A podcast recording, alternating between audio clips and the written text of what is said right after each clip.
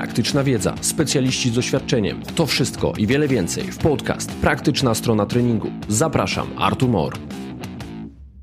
Cześć. Zacznę dzisiaj od opowiedzenia Wam historii. Historia dosyć prosta. Przychodzi kobieta do specjalisty, fizjoterapeuty, akurat tym fizjoterapeutą byłem ja. Przychodzi z dolegliwościami z lędziowego odcinka kręgosłupa. Wydaje się na pozór typowa sprawa. Zaczynam robić wywiad. I w tym wywiadzie raportuje mi, że wcześniej leczyła się osteopaty bezskutecznie i pojawia się takie sformułowanie, że osteopata zdiagnozował u niej agresywną wątrobę. Hmm. Niezmiernie mnie to zaskoczyło, no ale przyszedłem już do badania klinicznego. Okazało się faktycznie, że były tam sygnały, które jasno mi dały do zrozumienia, że dolegliwości pochodzą jednak z tego lędziowego odcinka kręgosłupa. Rozpoczęliśmy aktywną rehabilitację, zakończyła się on oczywiście sukcesem. Zapomniałem o tej sytuacji. Wróciła ona do mnie echem, kiedy w późniejszym czasie pojawiło się u mnie kilku innych pacjentów z różnymi dolegliwościami, również pochodzącymi na pozór z e, aparatu ruchu, zacząłem e, wywiad, badanie kliniczne, okazało się, że tak, pochodzą one z e, aparatu ruchu. Niemniej w ramach wywiadu oni znowu zaraportowali mi, że byli u osteopatów i dostali również zaskakujące dla mnie diagnozy, opadający jakiś tam narząd, chyba chodziło o nerkę, również była wspomniana agresywna wątroba, chyba inaczej nazwana. I tak sobie pomyślałem, że, że chyba trzeba byłoby się troszeczkę z tym rozprawić. I ze mną dzisiaj przed mikrofonem e, siedzi również e, znany Wam zapewne lekarz specjalista, ortopeda, traumatolog e, Jakub Liberski. Cześć Kuba. Cześć Artur. Co my dzisiaj zrobimy? A rozprawimy się może z kilkoma mitami i wsadzimy kij w mrowisko. Tak, i obrazimy kilka osób. I to mi się podoba. No i teraz tym mocnym akcentem przejdźmy do najprostszego możliwego pytania, jakie można zadać ortopedzie. Skup się. Kuba, czym ty tak naprawdę się zajmujesz w pracy? No, wydawało mi się, że narządem ruchu. Natomiast Zmieniłeś zdanie. zaskoczyłeś mnie. Wygląda na to, że, że ortopedia skupia się właśnie na, na narządzie ruchu, że zresztą sama nazwa wskazuje. Ale jaki wątpliwie wygląda na to.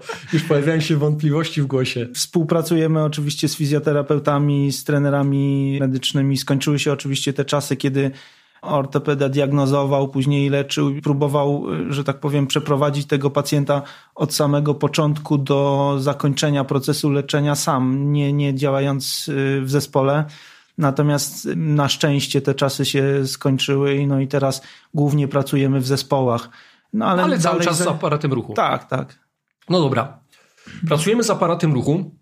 Ja wspomniałem w tej historii na początku o tym, że u kogoś zdiagnozował osteopata agresywną wątrobę. Już pomijając y, samo to nazwanie, tak, pojęcie agresywnej wątroby, na ile często ty spotykasz w swojej praktyce sytuację, w której dolegliwości bólowe ze strony aparatu ruchu, przynajmniej takie raportują twoi pacjenci, pochodzą one zupełnie z innych struktur, z innych układów i nie jest to robota dla ciebie? Y, no statystycznie się to zdarza, natomiast yy, stosunkowo rzadko, czyli generalnie najczęściej ten pacjent jest już przeselekcjonowany, jak trafia do mnie, jest po jakichś tam konsultacjach wcześniej.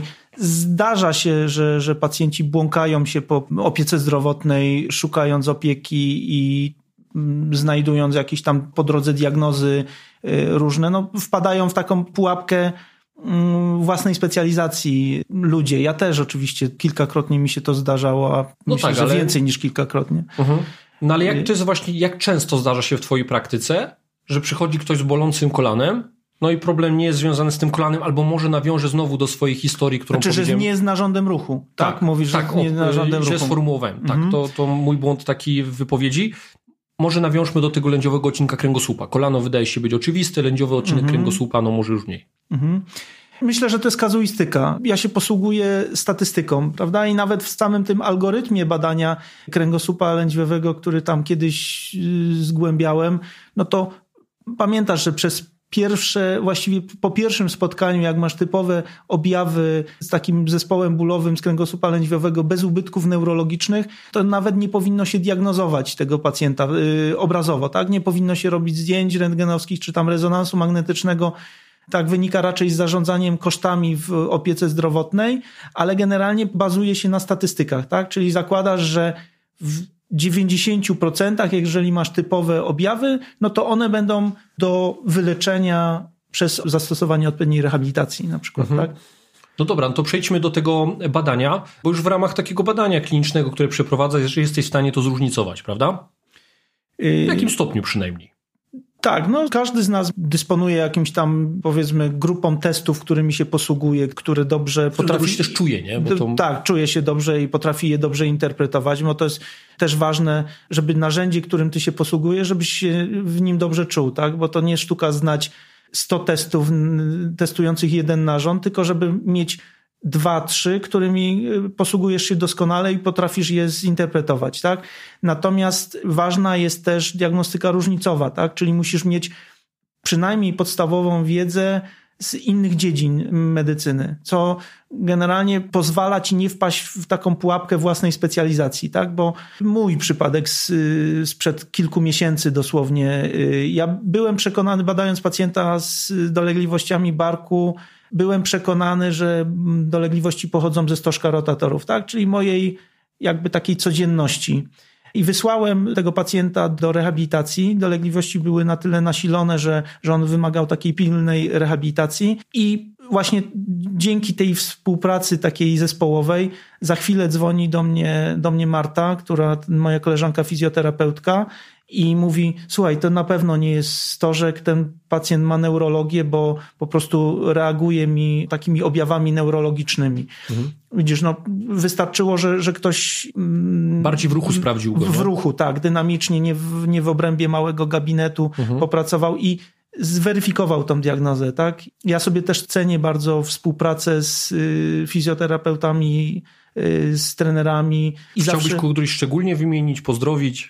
Y, pozdrawiam całą, wszystkich, wszystkich ludzi, z którymi pracuję, a pracuję, mam wrażenie, ja... z doskonałymi specjalistami. Naprawdę za dychę możesz na antenie pozdrawiać i kogo chcesz, nie? To plus. Gdzie wrzucać tą dychę? No tutaj, no, na swój kładziesz i pozdrawiasz, nie? To... Nie ma problemu. Słuchaj, podcast musicie z czegoś utrzymać, tak? To, to nie są tanie rzeczy, nie? Sprzęt się sam nie kupił. Kuba, dobra, praca w zespole, pozdrowiliśmy wszystkich terapeutów, wszyscy, którzy pracujecie z Kubą, jesteście super. I teraz ja nawiążę tego badania, bo ono mnie jednak y, cały czas tutaj frapuje. Ile może być czucia w tym badaniu? To jest moje pierwsze pytanie. A czym ono jest podyktowane? Nasłuchem. Nasłuchem globalnym, który również ochoczo wykorzystywany jest w osteopatii. Ja dodam jeszcze słowo komentarza. Będziemy zapewne zgodni z, z takim faktem, że testów, zresztą powiedziałeś, trzeba się wyuczyć, trzeba się dobrze w nich czuć. Y, jak zaczynasz używać jakiegoś testu, nie jesteś nim tak skuteczny, nie czujesz go tak dobrze, jak to się dzieje po 100, po 200, po 300 badaniach i tak dalej. No niemniej nasłuch globalny, który jest w osteopatii, który w wielkim uproszczeniu, bo nie robimy go tak i ktoś nam może zarzucić, że to jest wielkie uproszczenie, kładziemy jedną rękę na, na głowie, drugą rękę na brzuchu i próbujemy wyczuć. No i właśnie pytanie, co my tam możemy wyczuć i czy przypadkiem takim testem nie jesteśmy w stanie zdiagnozować nic i czy jeżeli ja go zrobię, ty go zrobisz, ktoś inny go zrobi, nie poczuje zupełnie, zupełnie czegoś innego. No, znasz moje zdanie, bo rozmawialiśmy wielokrotnie o tym, także mamy chyba podobne sceptyczne zdanie na ten temat. Moim to jest ten moment, kiedy trzeba kogoś obrazić. Tak. Moim zdaniem testy wykonywane powinny być powtarzalne, czyli niezależnie jak on jest trudny, ale on powinien być nauczalny, tak? A wydaje mi się, że taki test, który jest bardzo uznaniowy, który polega na tym, że weźmiesz pięciu ludzi i, znaczy czy dziesięciu i pięciu powie ci jedno, a druga piątka powie zupełnie żeby, coś innego, tak wyciągnie z tego jakieś inne wnioski, no to ten y, test jest bezwartościowy, tak? Ja bym jeszcze powiedział, że w naszych specjalizacjach te testy są jednak bardziej lokalne. Nie? One są nastawione na jakieś konkretne struktury.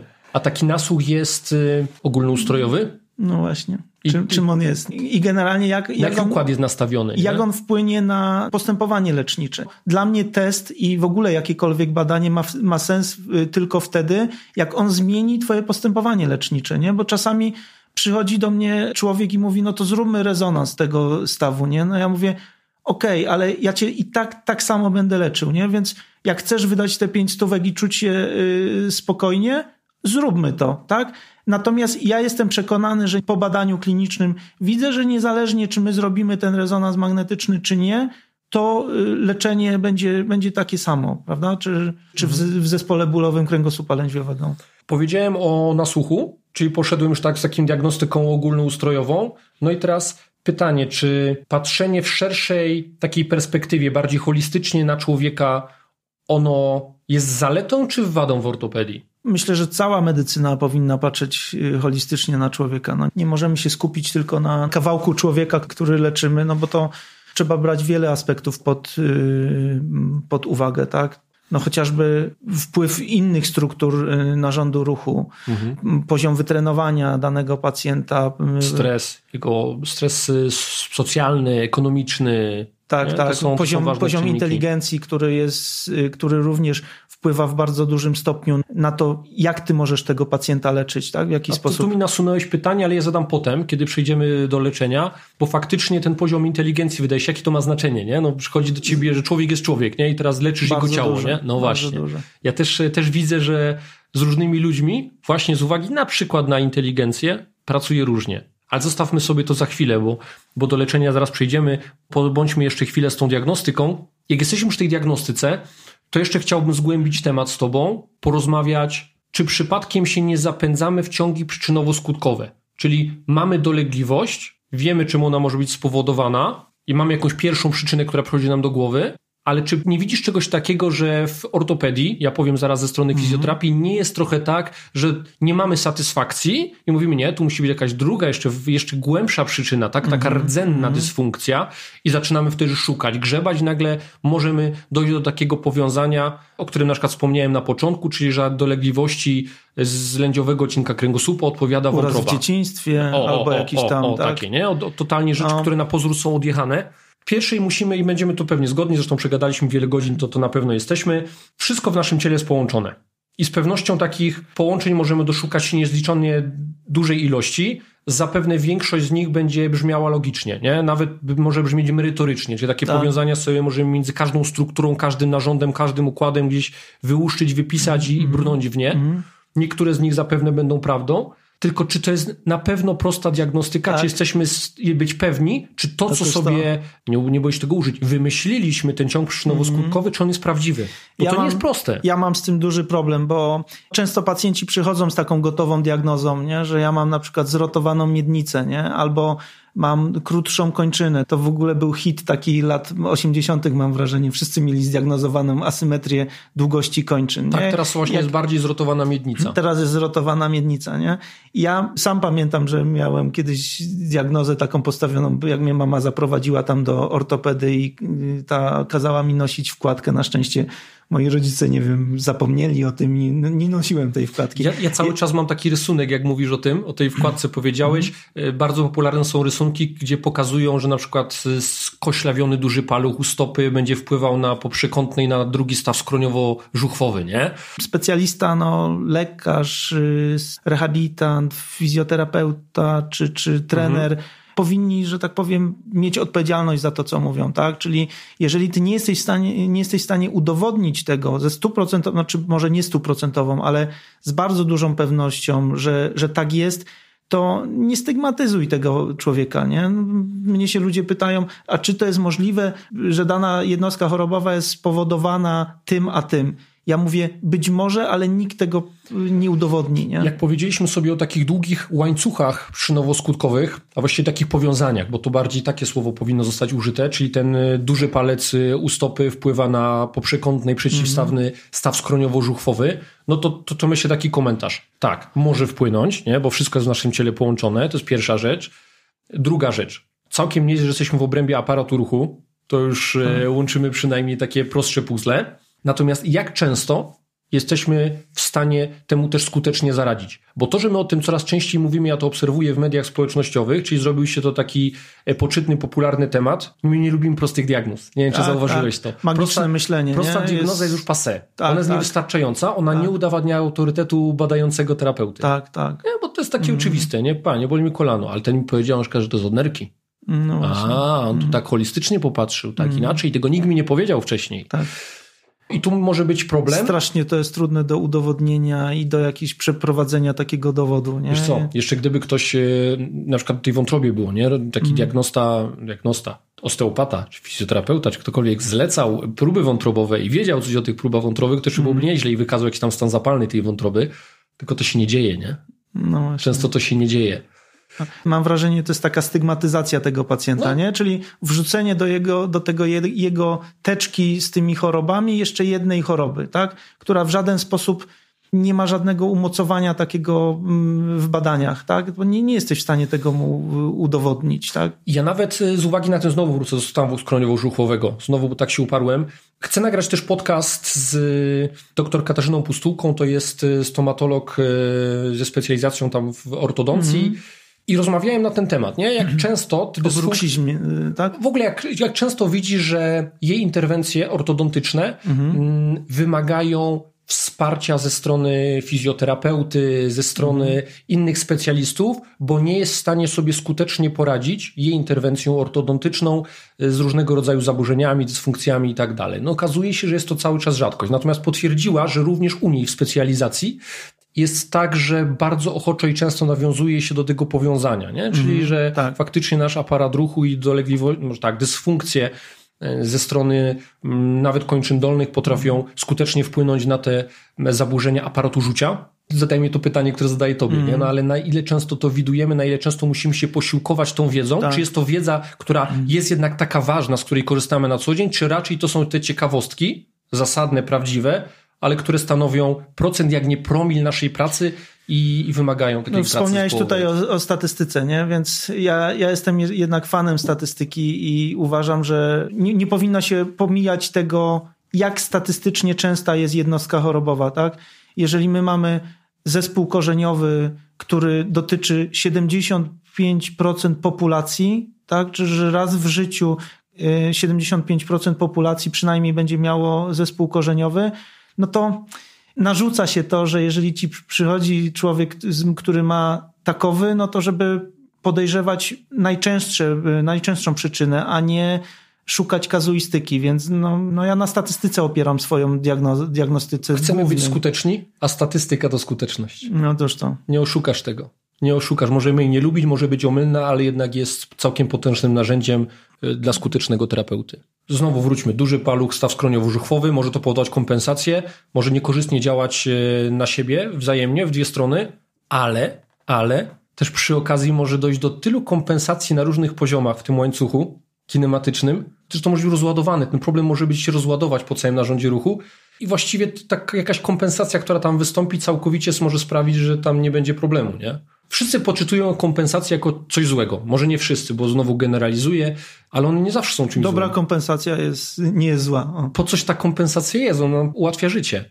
Mamy czasami osoby z nieodwracalnymi urazami w aparacie ruchu a potrafią świetnie funkcjonować długie, długie lata do końca swojej dni na jakiejś świetnej tak. kompensacji, nie mieć żadnych dolegliwości bólowych. Czy... Największy potencjał w tym względzie mają dzieci, prawda? Pamiętasz, poleciłem ci taki podcast, nie podcast, książkę, książkę tak. Gdyby nasze ciało... Tak, tak. E, Był opisywany właśnie przypadek mówić. tego dziecka, tak. które miało tam, nie wiem, jedną... Jedną półkulę. Jedną półkulę. To część jednej półkuli. Nie? Tak, tam I... była bardzo rzadka choroba, kiedy po prostu tak. była totalny zanik, tak? tak tej tak, To dziewczynka, nie? która później była z połową mózgu. Jesteśmy w stanie tak. funkcjonować i tak skompensował sobie funkcję ten mózg, że potrafił zarządzać całym ciałem. Oczywiście nie w 100% możliwości, ale tak, że ta osoba czerpała pełną radość z życia i nie czuła jakichś wielkich ograniczeń. I myśląc o kompensacjach, nie tylko myślmy, że to coś złego, tylko czasami to jest jakiś potencjał do normalnego funkcjonowania. I nie każdą kompensację powinniśmy ściągać, bo to też jest w moim fachu fizjoterapeuci. Jak jest tak. kompensacja, to trzeba naprawić. To trzeba zrobić redukację Albo stawić, motoryczną. żeby, żeby ona była funkcjonalna, nie? Zamienić niefunkcjonalną na funkcjonalną. Kuba, no to płynnie przejdźmy do leczenia. Postawiliśmy diagnozę, to teraz by trzeba było zacząć leczyć. I jaka jest rola specjalisty w procesie leczenia? No to tak, już mówiłem, że, że to jest odpowiedzialność tego leczącego, tak? Czyli ty musisz używać według mnie metod, które przede wszystkim dobrze poznałeś, którymi się dobrze posługujesz. To jest również zasada EBM-u, tak? Że być może inną metodą będziesz się posługiwał, jak jedziesz z lekarzami bez granic do Afryki, mhm. a inną y, w swoim macierzystym szpitalu. Bo na tamte w... warunki ona będzie skuteczniejsza. Tak, tak. I jedno i drugie postępowanie, pomimo że jest diametralnie różne, będzie y, zgodne z zasadami evidence-based medicine, tak? E, będzie dostosowane również do poziomu danego społeczeństwa, do tego, że na przykład ty tego człowieka tam w Afryce nie będziesz mógł zobaczyć na kontroli, więc musisz mu zaproponować takie leczenie, które będzie adekwatne i nie będzie wymagało późniejszej kontroli, tak? Mhm. I ta decyzja musi być świadoma, Na ile często podejmujesz ty takie decyzje w swojej pracy? Nie? No bo powiedziałeś o takim przypadku gdzieś tam leczenie kogoś w Afryce i tutaj. Na ile ty, pracując jednak stacjonarnie w kilku miejscach, pracując mniej więcej na tej samej populacji, stosujesz czasami skrajnie różne planowanie leczenia, różne leczenia. No widzisz, to wspomniane przez nas wcześniej ten poziom inteligencji, tak? Zupełnie inaczej będziesz leczył człowieka, którego da się wyedukować, tak? Da się go przeprowadzić jako takiego świadomego partnera przez proces leczenia, a zupełnie inaczej e, leczy się osoby takie proste, które oczekują od ciebie, że ty je po prostu wyleczysz, tak? Że one nie, nie zakładają swojego udziału w procesie leczenia, więc moim zdaniem ja nie jestem fanem na przykład y, podawania sterydów, miejscowo działających, natomiast w pewnych przypadkach widzę wskazanie do tego, tak? Czyli... Ogólnoustrojowo? Testosteron? Jakieś pochodne nandrolonu? No ja... no jak pracuję ze sportowcami, to taka mała rekomendacja, wie pan, tutaj jest takie przyciążenie mięśnia, ale możemy temu zaradzić, to... Nie, niewątpliwie widzę, widzę rolę y, układu hormonalnego ma znaczenie. We wszystkim, nie? pewnie, że tak. przebudowa tkanki, zdolność do tak. regeneracji po obciążeń. To... A poza tym y, jest jeszcze coś takiego jak poczucie choroby, prawda? Być może ktoś może być bardzo chory, a funkcjonować na dobrych hormonach i mieć y, zupełnie inną radość jakby z życia Oczywiście, czerpać, że tak. Oczywiście. Powiedziałeś o tej inteligencji w leczeniu, no to teraz y, ja mówię tak, robię dokładnie tak samo, czyli dobieram i słowa, i model e, leczenia, jeżeli pracuję, pracuję z pacjentem, czy nawet model treningu, jak pracuję ze sportowcem, w zależności od tego, z kim pracuję. Ja biorę pod uwagę jego możliwości ograniczenia, cel i wybieram jakiś tam kompromis. Są podopieczni pacjenci, którzy są u mnie świetnie wyedukowani. Ja nie boję się, którzy ze mną pracują długie lata, już tak byli pacjentami, na przykład teraz stali się podopiecznymi, realizujemy różne ich cele treningowe i po trzech latach wiedza, którą im przekazałem przez godzinę treningu trzy razy w tygodniu to jest bardzo dużo, nie? 12 godzin w miesiącu. Tak. Zawsze podkreślam. Nie Niewątpliwie znam... więcej spędzasz z nimi czasu niż ja, nie? Tak, ze tak. swoim pacjentem. Takich potrafię niektórych mm. wyedukować. Oni też się edukują w tym wszystkim, że stają się naprawdę niezłymi specjalistami od tego aparatu ruchu po tych trzech latach regularnej pracy ze sobą i edukacji. Nie? A są osoby, którym po prostu trzeba napisać plan treningowy z minimalną, z minimalnym instruktarzem słownym, doprowadzić do tego, żeby w miarę poprawnie robili. Nie? I tak, też... i możemy uzyskać y, równie dobry efekt w jednej i w drugiej sytuacji. Nie? Zgadza się. Mm. No, natomiast gdybym miał powiedzieć, co daje mi taką większą pewność, satysfakcję i jednak większą gwarancję, wiadomo, nie udzielamy gwarancji, ale coś, co sprawia, że terapia jest skuteczniejsza, to chęć edukacji ze strony. Ja też wolę y, pracować z pacjentem takim współpracującym stanowczo. To też mnie rozwija też, nie? Kiedyś nawet rozmawialiśmy, że ja mam taki model pracy, gdzie spotykam się z kimś, robię podstawową diagnostykę, robię wstępną edukację, zaczynamy działać, dostaje on ode mnie zadanie domowe i widzę się z nim na przykład za dwa tygodnie. Taki model często mm. przyjmuję. Ty stawiałeś tu znaki zapytania. Ja mimo wszystko mam wrażenie, że jest to całkiem fajny model. Dlaczego? Bo ja po tych dwóch tygodniach z tym kimś się widzę, widzę, czy on wykonał tą pracę, czy on y, podziałał, czy jest zaangażowany w ten proces czy po prostu czekał na to drugie spotkanie i liczy na to, że my mhm. przez tą godzinę w tygodniu zrobimy jakiś spektakularny sukces. Czasami to jest niemożliwe. No cóż to. No to teraz tak. Na ile ty jesteś w stanie edukować? No powiedzieli, że niewiele, nie? No jednak ta wizyta jest krótka. Ale ty i tak to robisz. Jak kilka razy spotkałem się przecież z twoimi pacjentami, to są osoby, które ja nie wiem jak to robisz, no ale te 10-15 minut jesteś w stanie im coś tam przekazać. Oni nie są tak totalnie zieleni. Ja lubię, żeby pacjent był e, jakby partnerem w tym, tym procesie e, leczenia, e, żeby też świadomie zaczął szukać rozwiązań, tak, że ja mu też nie jestem w stanie przekazać w ciągu tych tam 15 minut wszystkich aspektów, dlatego na przykład ci pacjenci później trafiają do fizjoterapeutów czy do trenerów, Najczęściej ta współpraca nie kończy się na jednym spotkaniu, tylko ja za jakiś czas weryfikuję efekty tego postępowania, no i zmieniam to postępowanie. Jeżeli ono nie jest skuteczne, no to, to, to szukam głębiej, zaczynamy robić diagnostykę obrazową, tak, no dostosowujemy do, do, do warunków y, tego pacjenta. Na ile często leczenie ortopedyczne to jest proces, a na ile to jest y, bardzo szybka sprawa? Chciałem powiedzieć mm. dłuższy proces, no bo mm -hmm. proces może być też krótki. Są takie wskazania, które trzeba leczyć natychmiast, takie pilne czy półpilne y, i to wtedy nie ma wątpliwości. No my, my lubimy operować, więc Ja się cieszę, jak jest taka prosta rzecz, którą mogę od razu zaoferować. Rozmawiamy no blisko 30 minut, a teraz się tak szczerze uśmiechnąłeś. tak szczerze się uśmiechnąłeś. Ortopeda to jest taki Adam Słodowy, no, no co, co to dużo mówić. No. Kuba, ja Nie mam... dorabiajmy do tego. Kuba jeden zamek mi się zaciął. Dorobiłbyś klucz od razu, bo to w sumie podobna Albo wywalimy drzwi. To, to, nie mamy siły? no właśnie, to jest, i ten odcinek zdecydujemy cała prawda o ortopedii, część trzecia. Natomiast coraz więcej, i szczególnie w, w pracy, którą ja wykonuję, czyli taka praca ze sportowcami, ja się zajmuję też rzeczami, którymi część ortopedów się nie chce zajmować, tak? Czyli przeciążeniówką, tak? Bo to jest żmudne, diagnostyka jest uciążliwa, efekty leczenia nie przychodzą natychmiast. No, wspomniane entezopatie, które mam przyjemność również posiadać od kilku lat. To nas łączy, Kuba. Kolano skoczka. tak, tak. Które... Jak ktoś chce z nami pracować, to też musi mieć kolano skoczka. Mhm. Tylko tak jesteście w stanie dołączyć do teamu. teamu tak. tak. I to jest żmudny proces, który nie przynosi efektów. No, pacjenci też oczekują bardzo szybkiego rozwiązania, tak? I wtedy wchodzi to myślenie magiczne, o którym wspomnieliśmy, nie?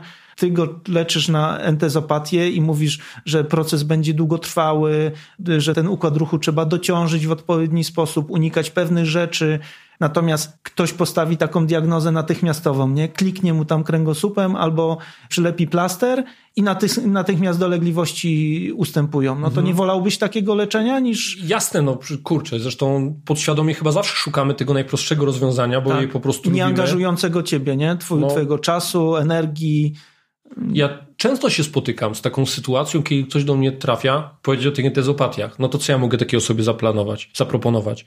Edukację motoryczną, odciążenie, jeżeli trzeba tego więzadła, wyedukowanie tam wzorcach ruchowych, przeanalizowanie tego, co doprowadziło do tej sytuacji, jaka aktywność treningowa na co mhm. dzień, a potem sukcesywnie wprowadzam terapię typu heavy slow resistance training, czyli właśnie praca izometryczna, ekscentryczna, dociążam to w różnych wzorcach, pod różnymi kątami i to trwa.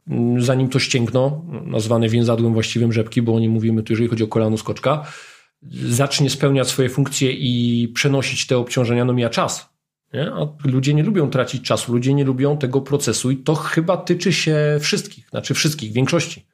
Zgadza się. To jest, to jest wyzwanie moje, jeżeli spotykam się z jakąś osobą, wytłumaczyć jej, że to wszystko będzie procesem. No, Otóż co. Ja myślę, że nawet jak ktoś trafia na siłownię i ma taki prosty cel, czyli chce mieć dużo mięśni, mało tłuszczu, no to chciałby, żeby to się podziało w, najlepiej w miesiąc. Tak myślą, że tak będzie. się tak?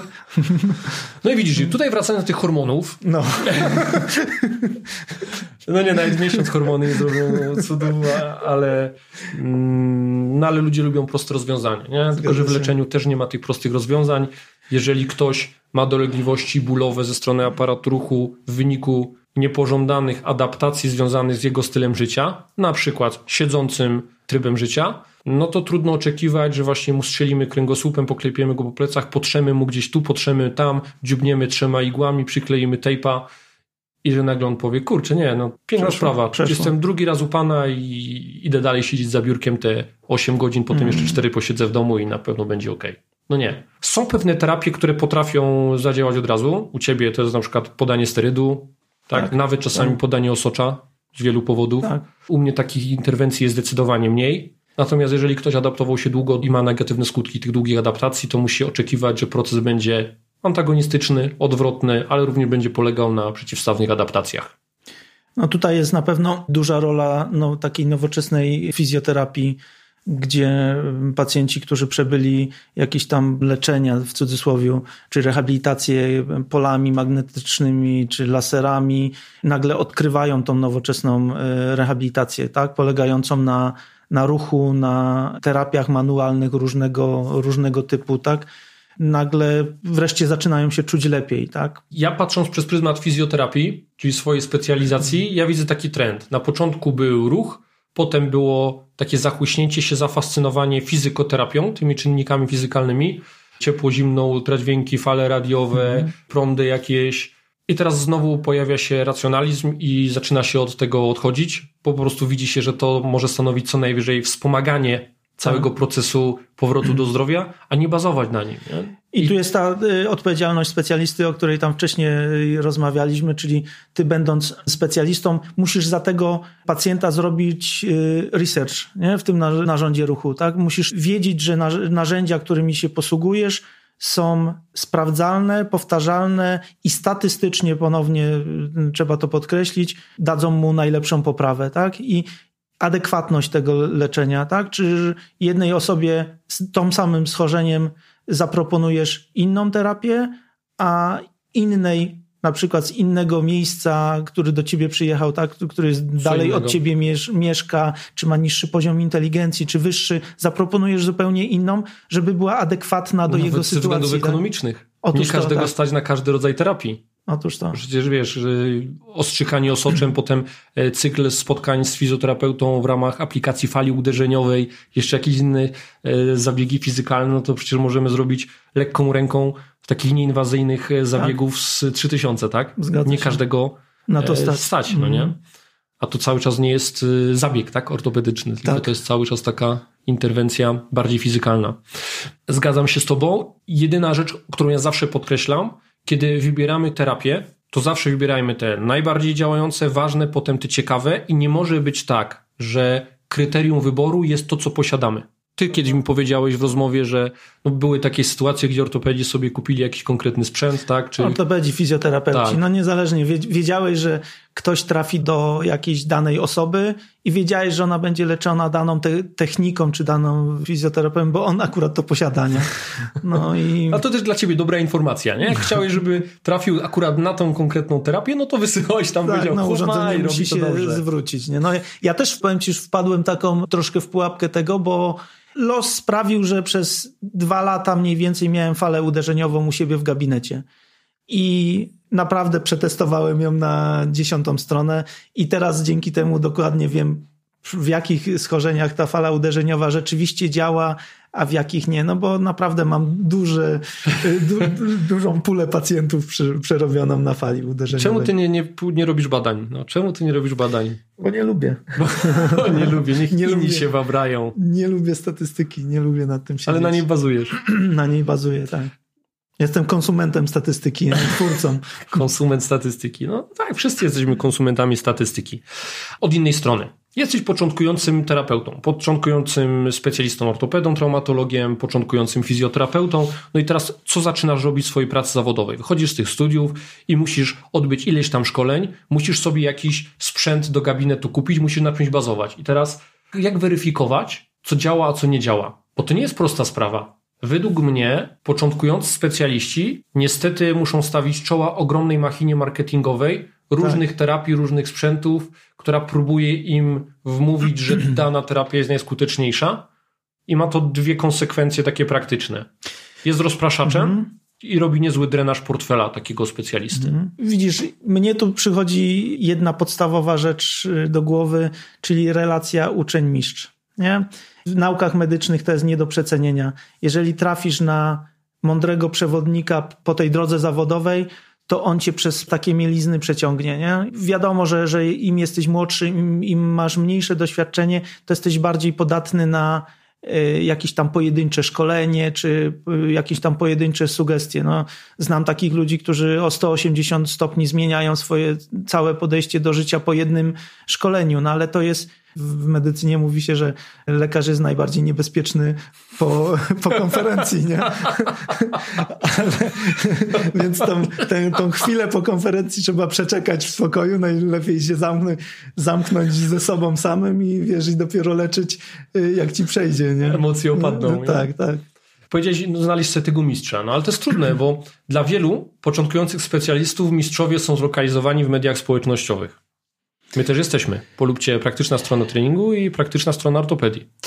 E, natomiast jak ja sobie obserwuję, no bo ja też czerpię wiedzę z tych mediów społecznościowych, zresztą dla mnie ktoś powie, że Facebook, a na tam Facebooku masz wszystko, nie opłaca się mieć tam Facebooka. Świetne narzędzie. Tak, bo ten algorytm, który podpowiada ci, jakie są twoje zainteresowania, on mi ułatwia życie, bo jak ja sobie tak. patrzę na swojego walla, to ja mam dokładnie to, co mnie interesuje. Nie? Tak, Czyli moja ale... specjalizacja, dziewczyny i samoloty.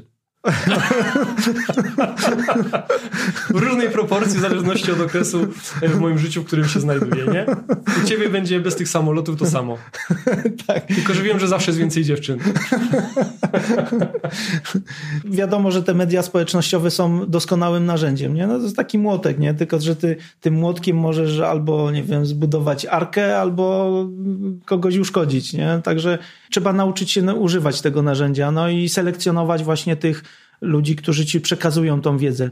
I na przykład zgodnie z zasadami EBM-u, jeżeli ty zdobywasz wiedzę od człowieka, który wiesz, że zdobywa wiedzę y, zgodnie z zasadami EBM-u, to ty również zdobywasz wiedzę zgodnie z zasadami EBM-u i to jest w, w EBM jest to normalna zasada, że tak powiem, uczenia się, tak? Czyli po konferencji, pogadanie przy piwku z kimś z twojej specjalizacji, jak on ci powie, że robi tak i tak, to jest również EBM.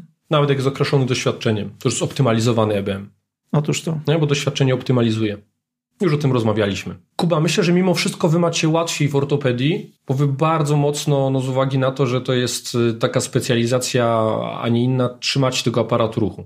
Nie? Czyli no, nie wiem na ile tam na tych konferencjach i szkoleniach, na których uczęszczasz, na ile opuszczacie tą strefę układu ruchu, narządu ruchu, na ile wychodzicie w inne, na ile tylko o nich wspominacie, bo nawiązuje do, do tego, co się dzieje w fizjoterapii w treningu, no to ten aparat ruchu zaczyna być już takim ozdobnikiem do tego wszystkiego, co tak. się dzieje poza tym aparatem ruchu.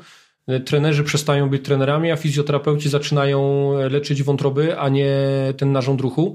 I wszystko byłoby ok, bo znowu możemy wrócić do tego, że ja rozumiem, że to wszystko jest ze sobą powiązane i czasami takie mogą być schorzenia i chwała temu, kto zdiagnozuje to i pomoże temu pacjentowi i dostrzeże coś, czego inni nie dostrzegli.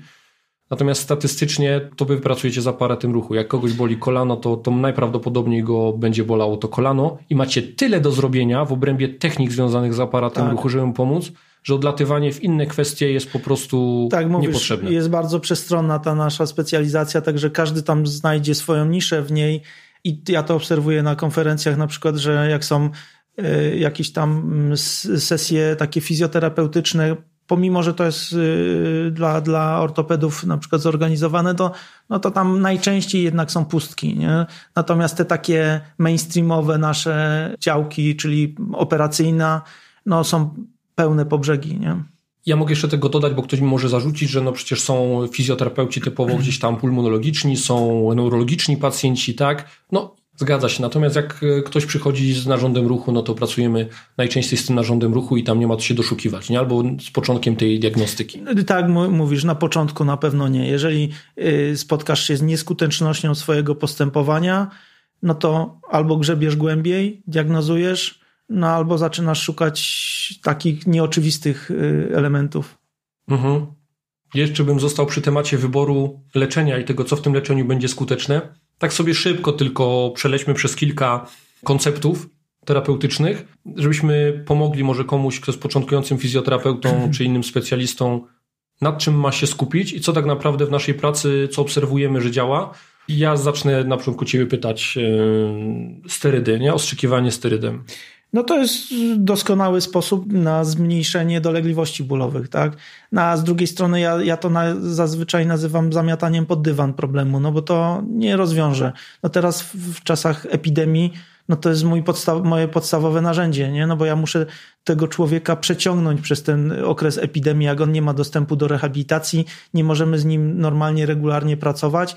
On musi po prostu dotrzymać a do... jest ostry. Do, a ból jest ostry. On musi po prostu, jego ma nie boleć, a na rehabilitację i na edukację przyjdzie czas. Pamiętasz, że mówiłem ci o takich moich przypadkach, które powodują, że mi ręce opadają, że ja tam przez 15 minut pacjentowi mówię o mechanizmie pracy obręczy barkowej. Kompleksu łopatkowo-ramiennego. Yy, tak i widzę z takim, że pacjent czeka na, na, na ten swój czas yy, napięci, w napięciu i na końcu mi się pyta tak, doktorze, a czy mogą mi nakleić te plastry na bark? No. no i ja już wtedy wszystko wiem. No i bierzesz to... i kleisz, no co masz, no. no bierzesz, kleisz no ja jeden na czoło. No. Mówię, mówię, tak, oczywiście, no można, nie. I mówisz... I wiem, że z tego nic nie będzie. I to jest właśnie czas na steryt, nie? tak, wspomniałem... Steryt i kinezotaping. Tak, wtedy. powiedzieć o kinezotapingu. Ja poczyniłem taki mini artykuł w swoich mediach społecznościowych, gdzie myślę, że tak szybko, krótko, prosto rozprawiłem się z tym, że ten kinezotaping tak naprawdę nie działa albo działa w niewielkim stopniu blisko placebo. No i znowu, nie, nie ma w tym nic złego, jeżeli ktoś e, taki kinezjotaping zaleci jako wykończenie terapii, jako kropeczkę na D. Problem tak. jest taki, kiedy ktoś przyjdzie i powie, nie, no proszę pana, zrobimy kinezjotaping i to rozwiąże problem, nie? To znaczy, tak. że ten terapeuta jest, krótko mówiąc, niebezpieczny.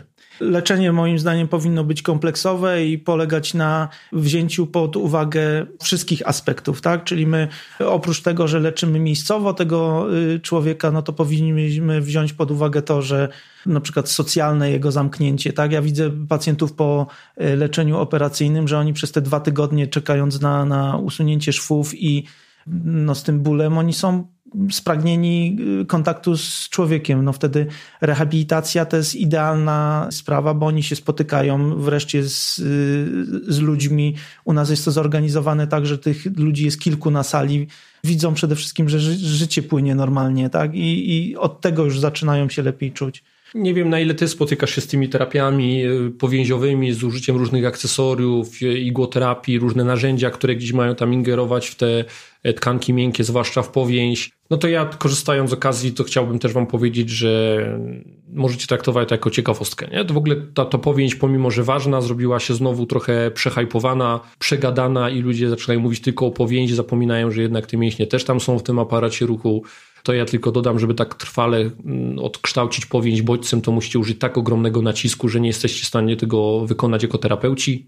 Zwrócę do tego w ramach e, artykułu, który też poczynię u siebie w mediach społecznościowych Alternatywą dla odkształcenia powięzi jest mniejszy bodziec, ale regularnie powtarzany. Nie? Czyli znowu prędzej te adaptacje, które poczynimy na co dzień, będą miały znaczenie dla ingerencji w powięź, aniżeli takie jednorazowe mm, ingerencje, które może i doraźnie dadzą efekt, ale nie odkształcą na stałe tej powięzi i ta adaptacja wytworzona innym bodźcem długotrwałym wróci. Natomiast no, trzeba to podkreślić, że jeżeli to jest element komplementarnego postępowania, to to nie jest absolutnie błędem. Nie, nie, nie, jasne, no pewnie. To... Poza tym chcemy na przykład, no, no to chodzi w mobilizacjach, nie? czyli ktoś tak. nie ma jakiegoś tam zakresu ruchu, to na początku mobilizujemy z użyciem jakichś tam technik, przywracamy ten zakres ruchu, a potem idziemy w myśl zasady use it or lose it, tak? Czyli pojawił się zakres ruchu, to teraz musimy go utrwalić dodaniem siły, dodaniem kontroli motorycznej w tym zakresie ruchu. No to, to tak, jasne, nie? Tylko znowu wrócę do tych, którzy pracują tylko w gabinetach i mówią, nie, dobra, ja tutaj potrę, tam potrę, tu nacisnę i tak. go, nie? To w większości przypadków nie da trwałych mm. efektów.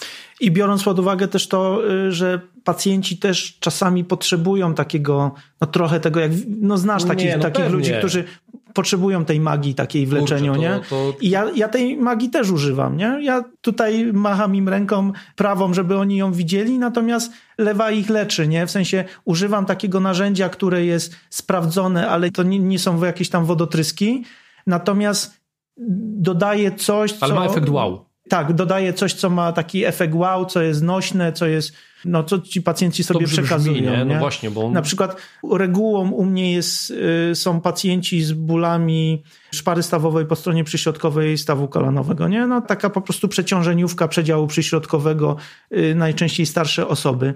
I ja im y, aplikuję osoczowe czynniki wzrostu, które powiedziałbym wierzę, tak? Uważam, że, że one pomimo, że badania są różne i powiedziałbym, że mniej więcej to jest 50-50, to... Nie, to jest nie za skuteczny, słuchaj, to wiesz. 50, tak, 50% to, już, to jest... To nie jest kinezotaping, nie? Że I ja to uważam, że zamknąć rzeczywiście... oczy i pod słońce, żeby zauważyć, że to działa. tak. I na przykład y, ci pacjenci przychodzą do mnie na aplikację osoczowych czynników wzrostu, tak? Bo między sobą wymieniają tą wiedzę, że, że to działa. Natomiast to, że ja ich wysyłam do trenera czy do fizjoterapeuty i oni tam trenują kulszaki, pośladki, głębokie stabilizatory brzucha, tak? Mhm. I, I mają terapię manualną i różne takie terapie, które tam zaproponują fizjoterapeuci to najczęściej to jednak działa, tak? Albo, mhm. albo złożenie tych dwóch metod, a nie, a nie tylko te, te osoczowe czynniki wzrostu, nie? Natomiast y, Teraz jak tak powiedziałeś, że, tym, że tutaj pokażesz jedną ręką, tu drugą, to tak chciałem wtrącić, że to tak trochę jak wiesz, jak David Copperfield. Trochę tak, nie? Tak, dwie mam ręce, nimi kręcę, wy macie gały, żeby paczały, nie?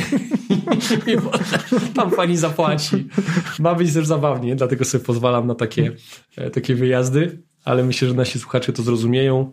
Nie, nie, nie musi być tak super drętwo. No i trochę powiedziałeś, e, taką puentę zrobiłeś, podsumowanie tego, co tak naprawdę działa. Aparat ruchu stworzony jest do ruchu. Jeżeli chcemy trwale wprowadzać zmiany w nim, no to fizjoterapeuta i trener powinni pracować głównie tym ruchem, nauczyć się dociążać, odciążać struktury, progresywnie obciążać, wiedzieć jak proporcje kostne wpłyną na to, że coś się przeciąży, no bo to jest układ dźwigni, tak, bloczków, linek, no jak ktoś ma jakąś niekorzystną proporcję kostną, no to te siły inaczej się będą rozkładały, jakaś struktura może być nieadekwatnie silna pod to, co układ kostny jej funduje. I to są, myślę, takie rzeczy, które dają trwałe efekty, które są zasadne u podstaw. I gdybyś mnie zapytał, nad czym się mam skupić, naucz się, jak to ciało ma się ruszać. Zobacz, jak ludzie się ruszają, jak ich ciało się porusza w czasie aktywności ruchowej, jak wygląda sport, który uprawiają i zoptymalizuj ten ruch. Tak? Zarządzaj zmęczeniami aparatu ruchu. Powiedz mu, jak on ma go wykorzystywać i jak nie robić sobie krzywdy. Edukuj, ale używaj ruchu. Im jest więcej statystyki, im jest więcej ugniatania ciasta, tym, tym mniej skuteczności w dłuższej perspektywie. Na wszystko jest czas i miejsce. Nie każdy jest sportowcem, ale jednak każdy, co robi z aparatem ruchu, no rusza nim. Nauczmy się nim ruszać. No dobra, ale jeszcze powiedzmy sobie o kompleksowości. Ja też obserwuję, że kiedy pracuję z swoimi podopiecznymi czy pacjentami, chcąc nie chcąc, robię im takie wyjazdy związane z regeneracją, z dietą, nawiązuję do tego. Nie, nie jestem dietetykiem, niemniej dużo czasu poświęciłem na zgłębienie gdzieś tej dietetyki, na pewno nie tak jak studenci dietetyki czy osoby, które całe życie temu poświęcają. Pracuję z dietetykami, cały czas się od nich też uczę. Moja wiedza myślę jest coraz większa. Sen, no też nie jestem jakoś specjalistą od wybitnym od snu, natomiast... Chociaż jak... robisz to codziennie. Tak, chociaż robię to codziennie. Zgadza się. No ale przypominam y, ludziom, jak ważny jest ten sen. Czyli jakby ten tak. proces czasami leczenia, jeżeli nie jest wsparty zdrowym podejściem do żywienia, zdrową dietą, mówiąc najprościej, i odpowiednią regeneracją, tak, Czy... to też może nie zadziałać. Zgadza się. Dotyczy sportowców z kontuzjami przeciążeniowymi, które u podstaw mają nie tylko zarządzanie bodźcem, tym zmęczeniowym, no bo czasami ten training load jest świetnie określany, nie? Ale zaburzona gdzieś jest regeneracja. Ona jest niedostatecznie uwzględniona w tym procesie, niedostatecznie monitorowana.